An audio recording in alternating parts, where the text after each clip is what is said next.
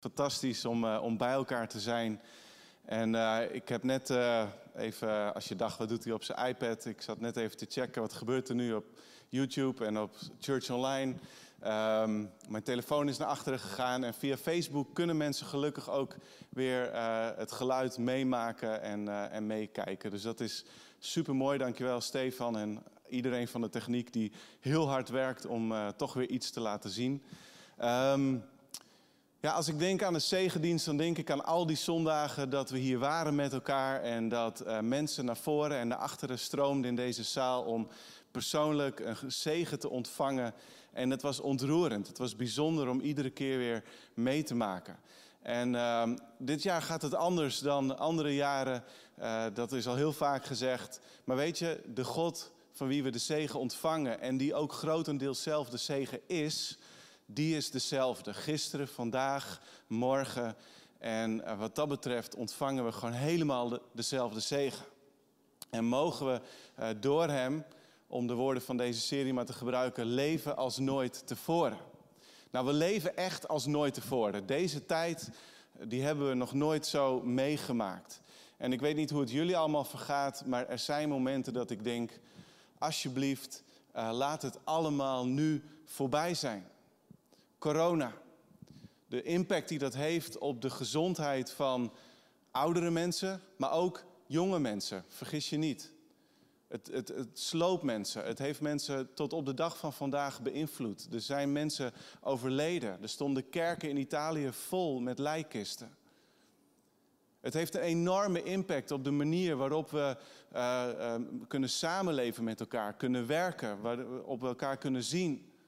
Het heeft een enorme impact op de manier waarop we gemeente kunnen zijn. En ik ben er wel een beetje klaar mee. Ik vind het echt soms heel erg verdrietig. En heel erg lastig om op een goede manier te handelen. Dus we leven in ongekende tijden. En dat is niet altijd gemakkelijk. Heel veel vanzelfsprekendheden die zijn even weggevallen. En de afstand tot elkaar die is in zekere zin groter dan ooit. Maar hoewel de tijden ongekend zijn, laat God zich nog steeds kennen. Hoewel vanzelfsprekendheden zijn weggevallen, is God zeker en spreekt Hij tot ons vandaag. En hoewel afstand een verdrietig sleutelwoord van deze tijd is, is God allesbehalve afstandelijk. In Hem is er hoop, door Hem zijn er ook vandaag wonderlijke mogelijkheden. En met Hem komen alle belangrijkste zegeningen en zekerheden van het leven. Vandaag sluiten we de serie Leven als nooit tevoren af. En er zit zoveel in die paar woorden. Eigenlijk hebben we maar ons op een paar aspecten daarvan gericht. We hebben het gehad over eeuwig leven. En dat eeuwig leven niet iets is van alleen de toekomst, maar dat het vandaag begint, het heden kleurt en dat eeuwig leven vooral ook bewogen leven is. We hebben het over gehad dat het buitengewone, het bovennatuurlijke, de geestelijke realiteit deel uitmaakt van het normale leven, het gewone leven van een gelovige en dat we stand kunnen houden in Jezus.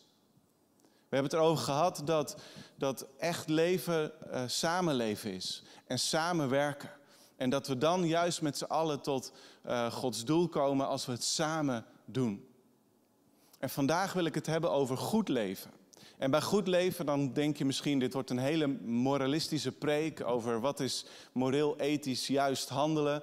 Misschien denk je wel aan het, het goede leven, het Bourgondische leven, om ervan te genieten met familie en vrienden.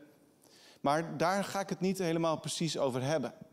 Ik heb de uitdrukking goed leven gehaald uit de uh, vertaling van de Bijbel in gewone taal van Efesiërs 2, vers 10. En in de uh, herziende statenvertaling wordt die tekst als volgt weergegeven. Want Hij heeft ons gemaakt tot wat wij nu zijn. In Christus Jezus geschapen om de weg te gaan van de goede daden die God heeft voorbereid. En ik las dat en ik denk, ik ben nu eigenlijk wel eens benieuwd... hoe zou de Bijbel in gewone taal dit weergeven? Want het brengt het soms even verfrissend dichtbij. En ik las die woorden in die vertaling en die gaan als volgt. God heeft nieuwe mensen van ons gemaakt. Want door Jezus Christus zijn we mensen geworden die goed leven. Dat was Gods bedoeling. Daarvoor heeft Hij ons bestemd. Wij zijn mensen geworden die goed leven. En voordat ik daar wat meer over ga zeggen, wil ik allereerst kijken naar het begin van dit hoofdstuk, Efeziërs 2. Dit is een heel opvallend stuk eigenlijk in de Bijbel. Het contrast tussen Efeziërs 2, vers 1 tot 3 en versen 4 tot en met 10 is ongekend groot. En het wordt levendig geschetst door Paulus. Het contrast is zwart-wit, wanhoop, hoop, dood, leven. Je zou ook zo kunnen zeggen pessimistisch, optimistisch, als je niet Paulus kent en goed naar de tekst kijkt. Want ik denk dat het beter is om te zeggen, het is niet pessimistisch, optimistisch, maar de Bijbel is hier realistisch. Ik geloof dat de Bijbel eerlijk realistisch over de mensheid is. En we bevinden ons vaak op de uiterste van pessimistisch of optimistisch. Als je kijkt naar het journaal, dan word je behoorlijk pessimistisch. Dan zie je berichten van oorlog en geweld en van strijd om macht en strijd om behoud van die macht ten koste van alles en iedereen. Het gaat over racisme, het gaat over corona, het gaat over honger, het gaat over andere ziektes. En als je het journaal bekijkt en bij je binnen laat komen, dan is het niet zo heel erg moeilijk om een klein beetje wanhopig te worden over de staat van de mens, de wereld en de mensheid. En daartegenover staat het optimisme die vooral opkwam ook in de verlichting en steeds nog doorcijpelt tot op de dag van vandaag. En dat is het optimisme van bouwscholen en dan krijgen we een rechtvaardige wereld. Of het idee, God is dood, God zetten we weg, want dan stoppen we in ieder geval bijna alle oorlogen. Of Rutger Bregman die laatst een boek publiceert, De meeste mensen deugen. Wat volgens mij een aantal hele goede ideeën bevat, waar ik me erg in kan vinden en wat best wel hoopgevend is. En tegelijkertijd denk ik ook, dat is niet het hele verhaal. En tussen dat optimisme en het pessimisme in staat het realisme van de Bijbel. De Bijbel is meer dan wie dan ook verfrissend realistisch over de mensheid. En dat realisme bestaat in het volgende contrast. Allereerst wie we waren. Eigenlijk dood. Nou, welkom terug in de kerk als je hier voor het eerst in een half jaar weer bent. We zijn eigenlijk dood. En daarmee bedoel ik dit, Efesius 2, vers 1 tot en met 3. Vroeger waren jullie eigenlijk dood. Want jullie deden alleen maar verkeerde dingen. Jullie gedrag paste bij de slechte wereld waarin we leven, want jullie gehoorzaamden de duivel. En de duivel die zorgt ervoor dat de mensen zich verzetten tegen God. Zo leefden we allemaal voordat we christenen werden. We deden allemaal steeds weer verkeerde dingen. We lieten ons leiden door onze eigen verlangens. We zijn allemaal als zondige mensen geboren. Daarom verdienen we allemaal Gods straf. Nou, dat is wel een beetje pessimistisch, of niet? En dit gaat niet over andere mensen, hè? Dit gaat niet over vrede dictators, over beruchte drugskartels, over veroordeelde criminelen. Dit gaat over mij. En dit gaat over jou. Paulus zegt jullie en wij allemaal. We waren eigenlijk dood, vroeger, voordat God ons redde. Want we deden verkeerde dingen. En er staan in het Grieks twee woorden voor die verkeerde dingen. Er staat wat je kan vertalen met overtredingen. Dat gaat erover dat je een grens overgaat die was gesteld en wat eigenlijk niet mocht. Dat je van het juiste pad afwijkt.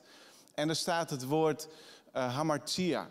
En dat is wat we heel vaak denken dat zonde alleen dat betekent. Maar de Bijbel heeft meerdere woorden voor zonde. Maar hier wordt dat hamartia gebruikt.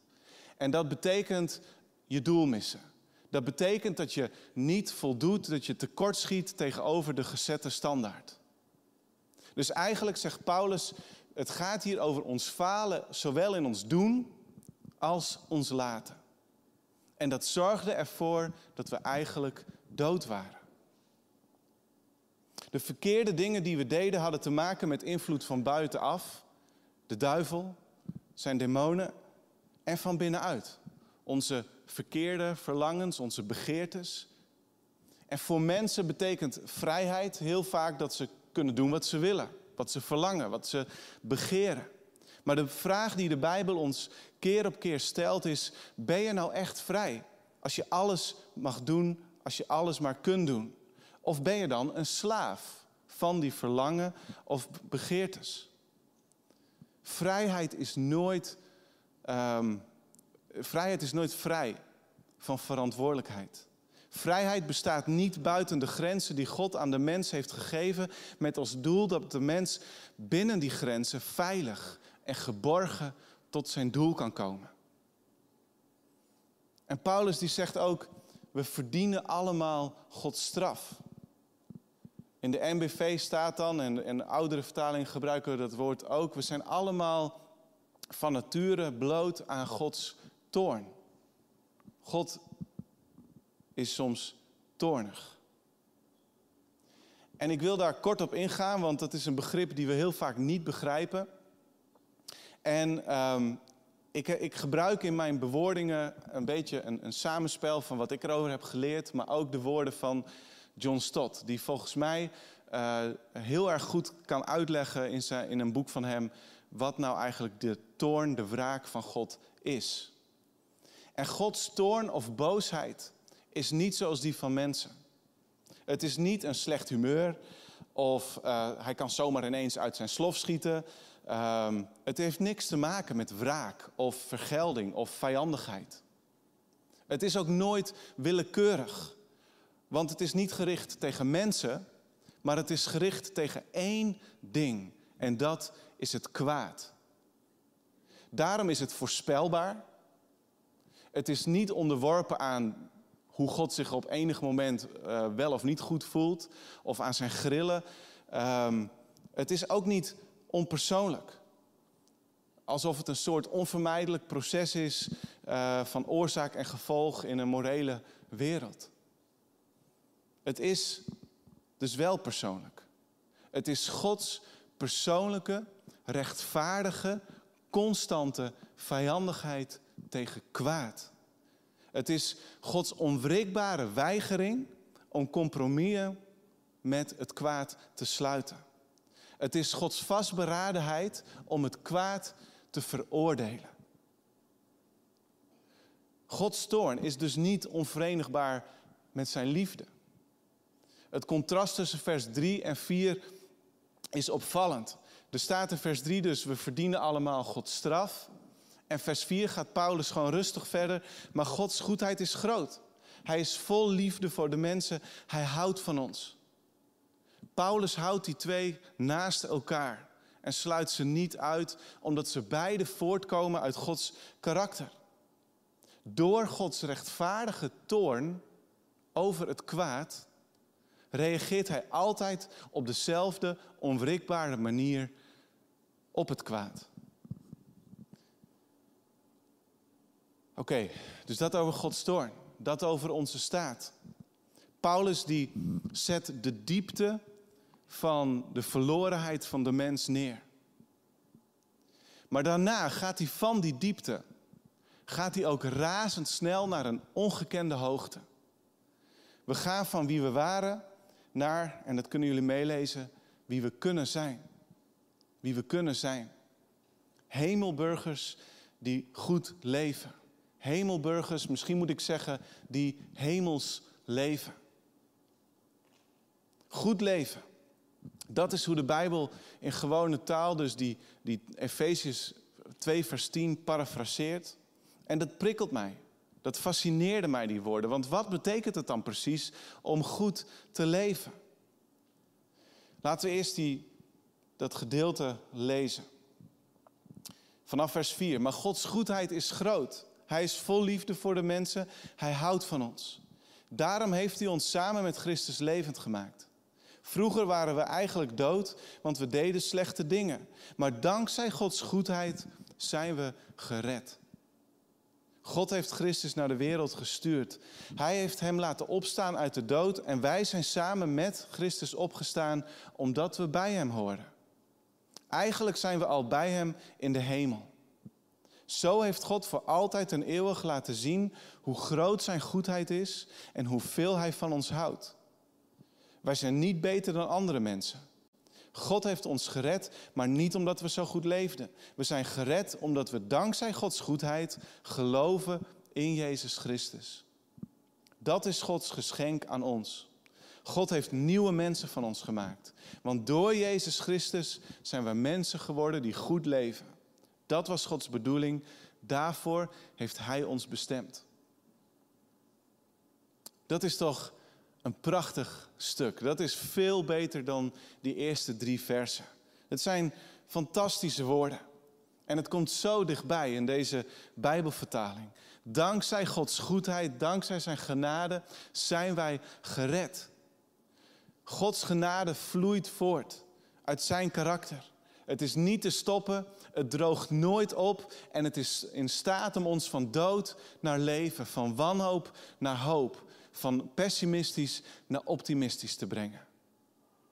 Dat is het Bijbelse realisme. Het is erger met de mensheid gesteld dan we ooit hadden kunnen bedenken. En tegelijkertijd de Bijbelse hoogte van genade, aanvaarding, van mogelijkheden, van hoop, van betekenis is hoger dan de meest optimistische persoon of filosoof ooit kon bedenken. Dus Paulus gaat naar ongekende hoogte in dit gedeelte. In hem, met hem.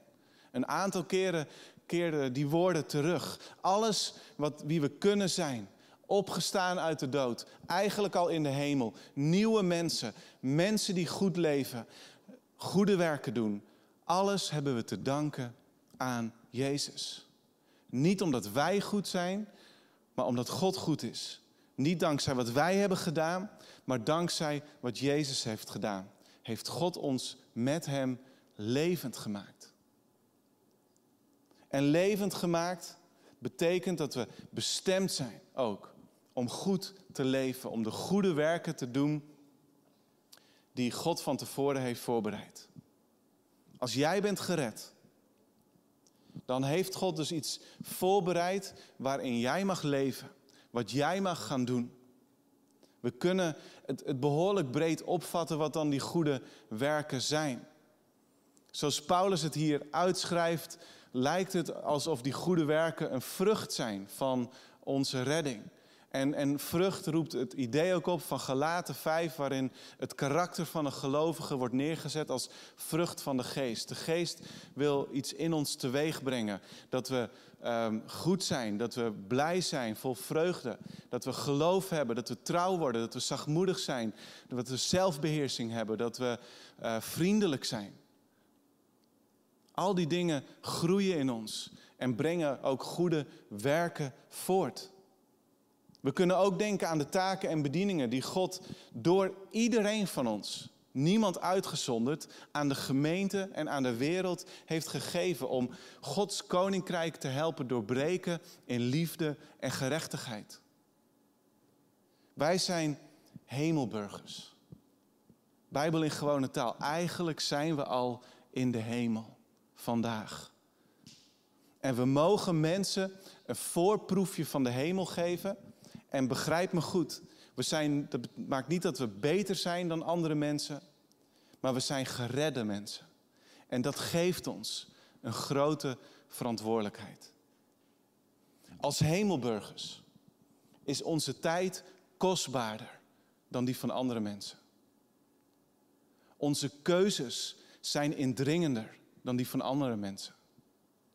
Onze daden zijn belangrijker dan die van andere mensen.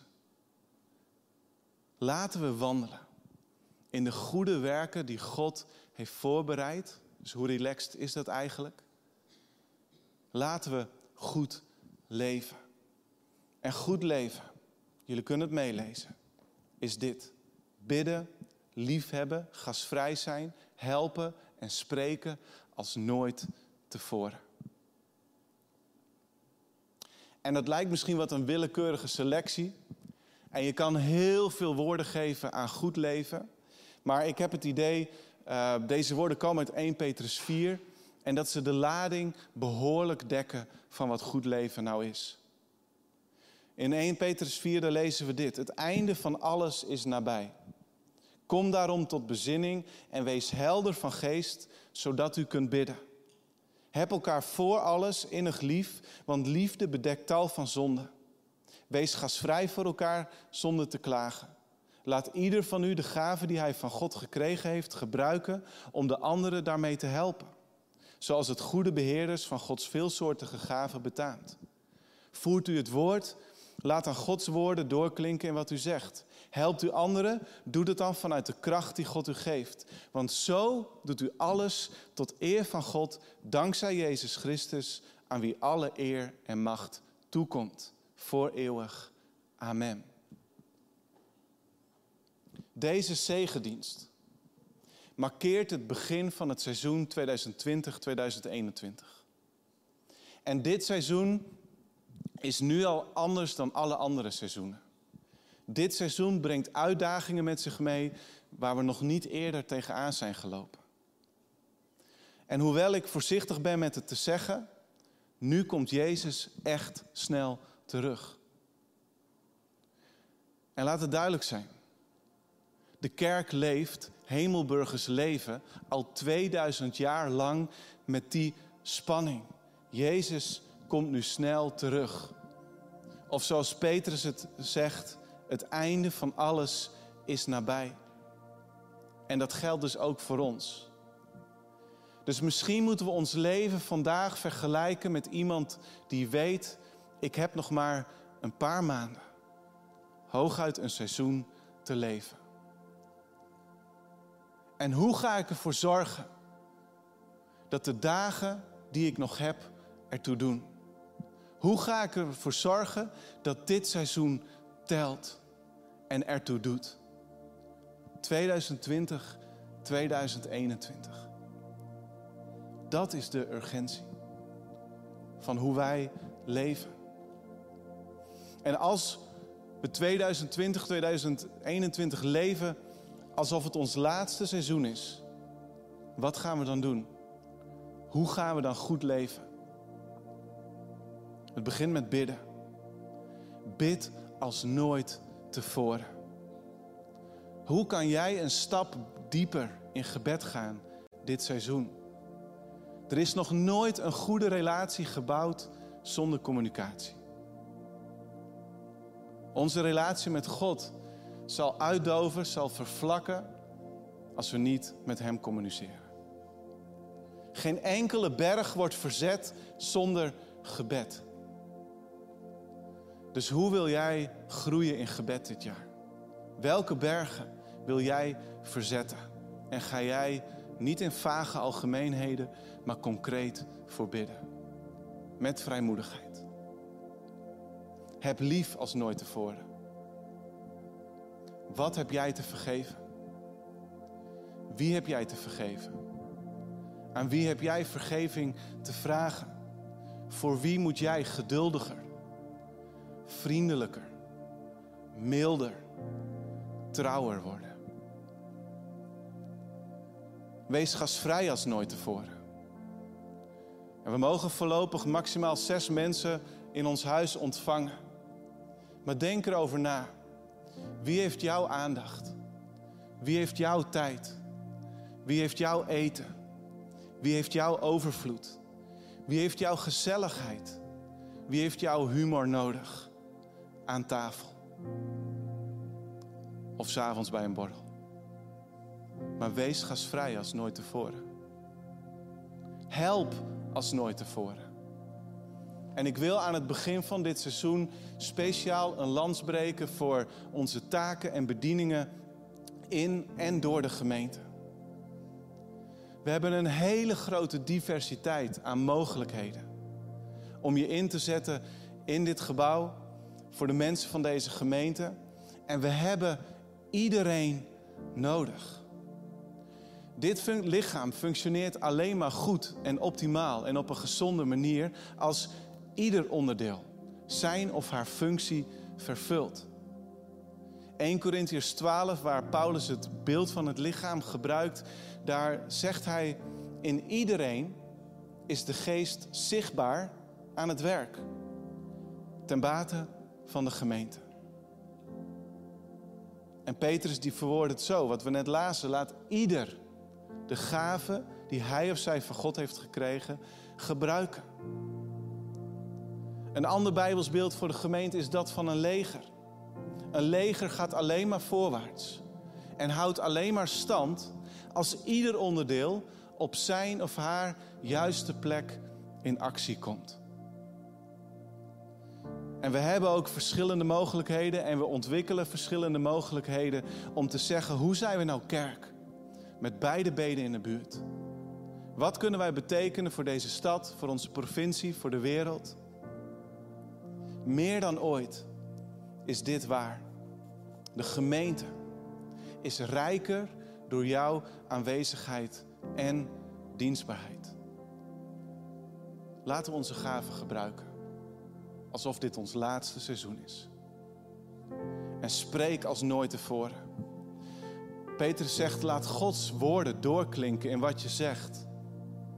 En als je daarover nadenkt, dan verandert dat ontzettend veel. Hoe gaan dan onze gesprekken met elkaar? En bij het koffiezetapparaat? En buiten op straat tegen de winkelmensen? Hoe gaan die gesprekken eruit zien? Als Gods woorden doorklinken in wat wij zeggen. Voor je geliefden, voor je kinderen, voor je kleinkinderen, voor je ouders, voor je vrienden, voor je medestudenten.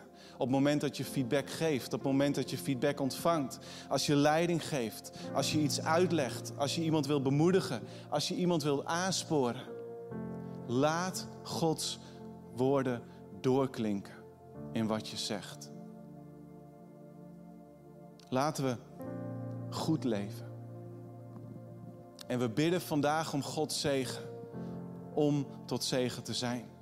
We ontvangen vandaag Gods zegen om tot zegen te zijn. We markeren dit nieuwe seizoen met Gods zegen om te leven als wat we zijn. Hemelburgers met een urgente missie die vandaag dringend is en morgen nog dringender en overmorgen nog dringender. Want er zitten vandaag 1 of 2 procent van de gemeente Leeuwarden zit in een kerk. En ik weet niet precies hoe dat is voor Friesland en voor Nederland. Maar dit is de tijd. Dit is de tijd. Zullen we goed leven en een zegen daarover vragen. Vader in de hemel, dank u wel voor dit nieuwe seizoen. Dank u wel voor uw zegen die we mochten ontvangen, die we mochten uitspreken. God, en, we willen dit jaar elkaar blijven zegenen. We willen bemoedigend spreken. We willen uw naam uitspreken over elkaar. We willen denken in uw mogelijkheden. We willen leven in uw hoop en vanuit uw hoop. En we willen doen wat u van ons vraagt. God, ik wil ons vandaag zegenen met een gevoel van urgentie. Met het gevoel wat Paulus zo vaak verwoordt. Wat Petrus zo vaak verwoordt. Het einde is nabij. Jezus komt terug.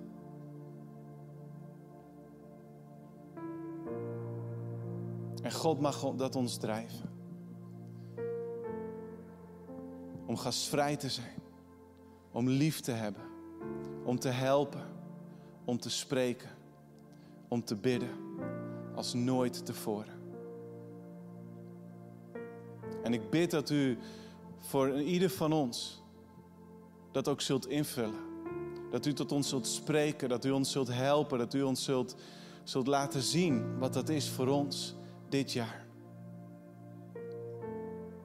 Maar ik bid, Heer, dat we door goed te leven samen deze gemeente mogen bouwen. Deze wereld mogen bereiken. Getuigen mogen zijn op ons werk, op onze opleiding, op onze scholen, op onze verenigingen. Ik zegen iedereen met een goed leven. In Jezus' naam. Amen.